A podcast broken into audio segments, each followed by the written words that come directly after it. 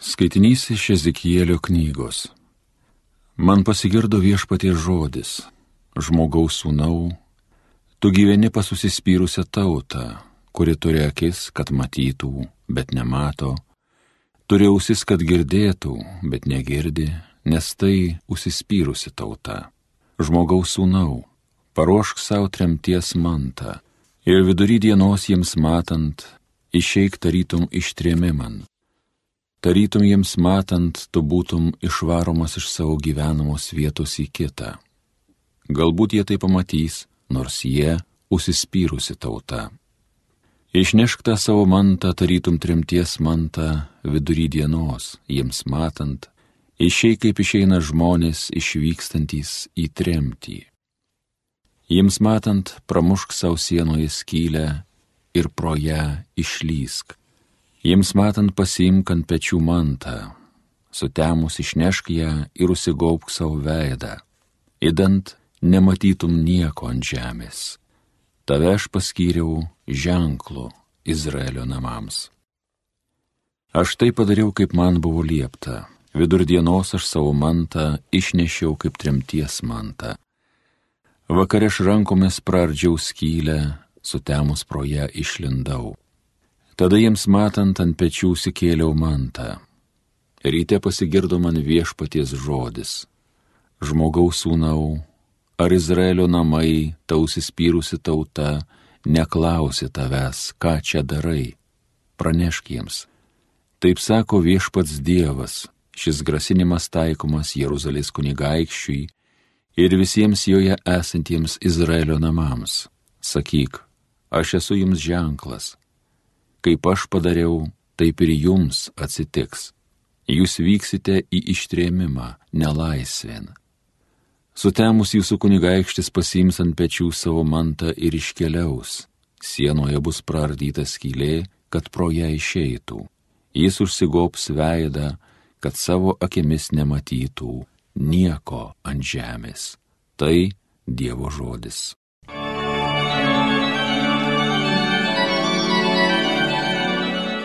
Neužmirškime Dievo stebuklų. Jie vėl aukščiausiai įgundė prieš Dievą maištavo, nekantrauti įvertė, įsakymų jo nesilaikė.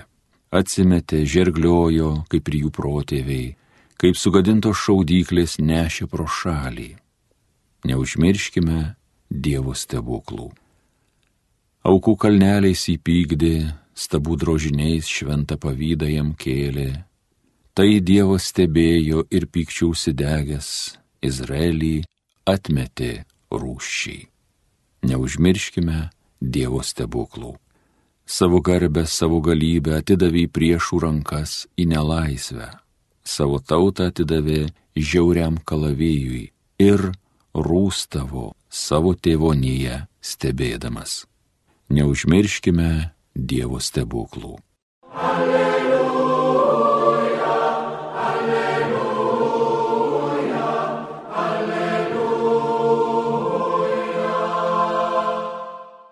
Pažvelk viešpatie gėdrų veidų į savo tarną, išmokyk mane savo mokslo. Alleluja, alleluja, alleluja. Pasiklausykime Šventojios Evangelijos pagal Matą. Petras prieėjęs prie Jėzaus paklausė viešpatie, kiek kartų aš turiu atleisti savo broliui, kai jis man nusikalsta? Ar iki septynių kartų? Jėzus jam atsakė, aš nesakau tau iki septynių, bet iki septyniasdešimt septynių kartų. Todėl su dangaus karalystė yra panašiai kaip su karaliumi, kuris sumanė atsiskaityti su savo tarnais. Jam pradėjus apyskaitą, atvedė pas jį vieną, kuris buvo jam skolingas dešimt tūkstančių talentų.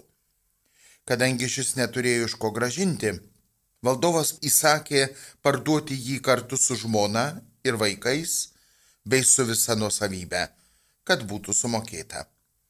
Tuomet puolęs jam po kojų tarnas maldavo, turėk man kantrybės, aš viską atiduosiu. Pasigailėjęs ano tarno valdovas paleido jį ir dovanojo skolą. Vos išėjęs, tas tarnas susitiko vieną savo draugų, kuris buvo jam skolingas šimtą denarų. Ir nutvėręs smaugė jį sakydamas, atiduok skolą. Puolęs ant kelių, draugas maldavo, turėk man kantrybės, aš tau viską atiduosiu. Bet tas nesutiko, ėmė ir įmesdino jį į kalėjimą, iki atiduos skolą. Matydami, kas nutiko, kiti tarnai labai nuliūdo. Jie nuėjo ir papasakojo valdovui, kas buvo įvykę. Tuomet pasišaukęs jį valdovas tarė, nedorasis tarne. Visą tą skolą aš tau dovanojau, nes mane maldavai. Argi nereikėjo ir tau pasigailėti savo draugo, kaip aš pasigailėjau tavęs? Užsirūstinės valdovas pavedė jį budeliams iki atiduos skolą. Taip ir mano dangiškasis tėvas padarys jums, jeigu kiekvienas iš tikro širdies net leisite savo broliui. Pabaigęs šias kalbas, Jėzus pasitraukė iš Galilėjos ir atėjo judėjos rytį, anapus Jordano. Girdėjome viešpatie žodį.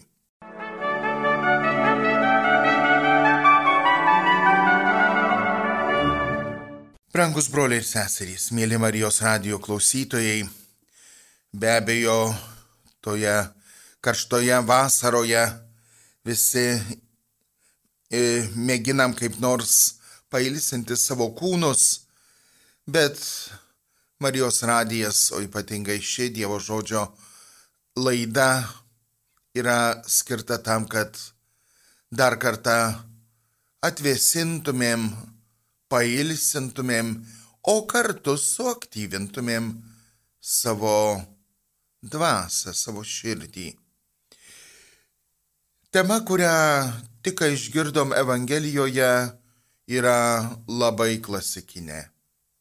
Tema, kuri tęsiasi nuo pirmųjų žmonijos sukūrimo metų. Jau tada atleidimas ir neatleidimas. Suvokimas, kad esi skolingas ir mėginimas pateikti savo sąskaitas, faktūras buvo aktualus, kaip ir šiandien. Deja, tiek daug girdėdami apie atleidimo galimybę, apie atleidimo psichologinius, dvasinius, e, įvairius tarp asmeninius e, aspektus. Tiek daug knygų galėję perskaityti, nes apie tai yra tikrai labai nemažai prirašyta. Kiekvieną dieną kartodami viešpaties išmokytos maldos žodžius atleisk mums mūsų kaltes, kaip ir mes atleidžiame savo kaltininkams, mes vis tik šitos pamokos neišmokstam. O jeigu kas nors yra pasakęs savo, aš jau išmokau, jau atleidau, jau dovanojau, te klausia savo širdies vis giliau ir giliau. Nes septyni kartai ar septyniasdešimt septyni, kurie pirmą kartą šventajame rašte paminėti dar pradžios knygoje, pasakojant apie kainą. Jo e, istorijos pabaigoje yra paminima, kad e, kainui gali būti atleisti septyni kartai bet mes e, dažniausiai net 77 kartus prakeikiam ir užnuodijam pasaulį. Čia Jėzus naudoja šitos du skaičius lygiai tokius pačius, labai simbolinius, labai gilius, bet visiškai perspektyviai kita prasme, atleidimo prasme.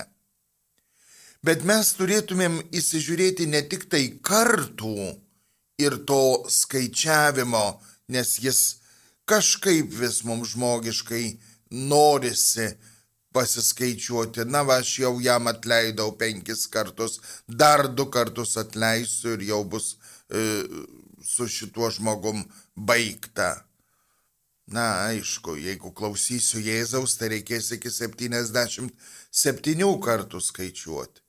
Bet ne apie tai eina kalba. Visiškai ne apie tai. Tai eina kalba apie tą gilumą, kad ne tik tai mm, tas atleidimas turi būti įvardintas mano mm, maldoje, galbūt mano prote, galbūt tik tai mano žodžiuose, bet iš tiesų mano širdį turi gimti atleidimo perspektyva, atleidimo dvasia, atleidimo noras, atleidimo mm, toksai gyvenimo kelias Nes niekada nebus taip, jog nebus užgaunančių mus žmonių. Nebus taip, kad nebūtų mūsų gyvenimo kelyje nepasitaikytų mums nemalonių žmonių, ar mus įžeidžiančių, ar mus net apgaunančių, ar, ar kažkaip kitaip mus pritrenkiančių į kažkokiu būdu pažeminančių ir taip toliau, ir taip toliau. Ir štai čia yra noras paties viešpaties, turėk atleidimo perspektyvą.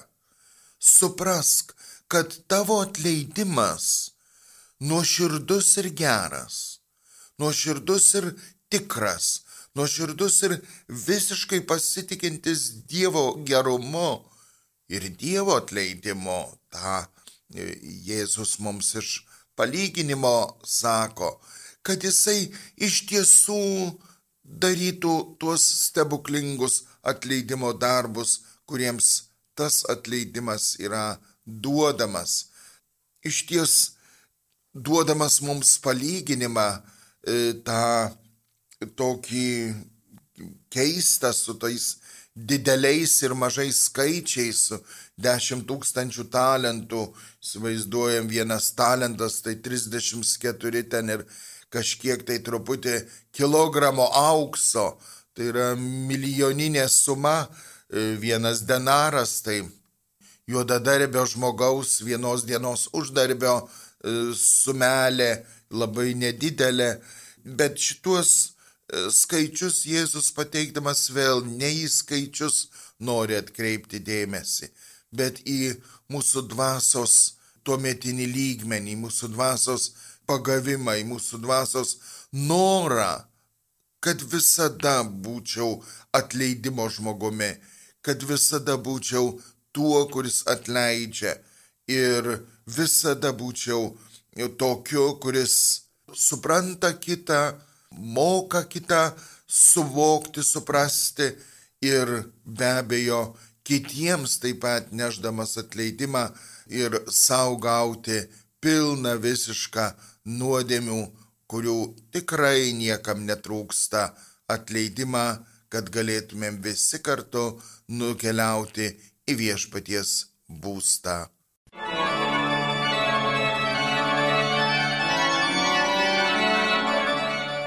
Homilija sakė kunigas Arūnas Kesilis.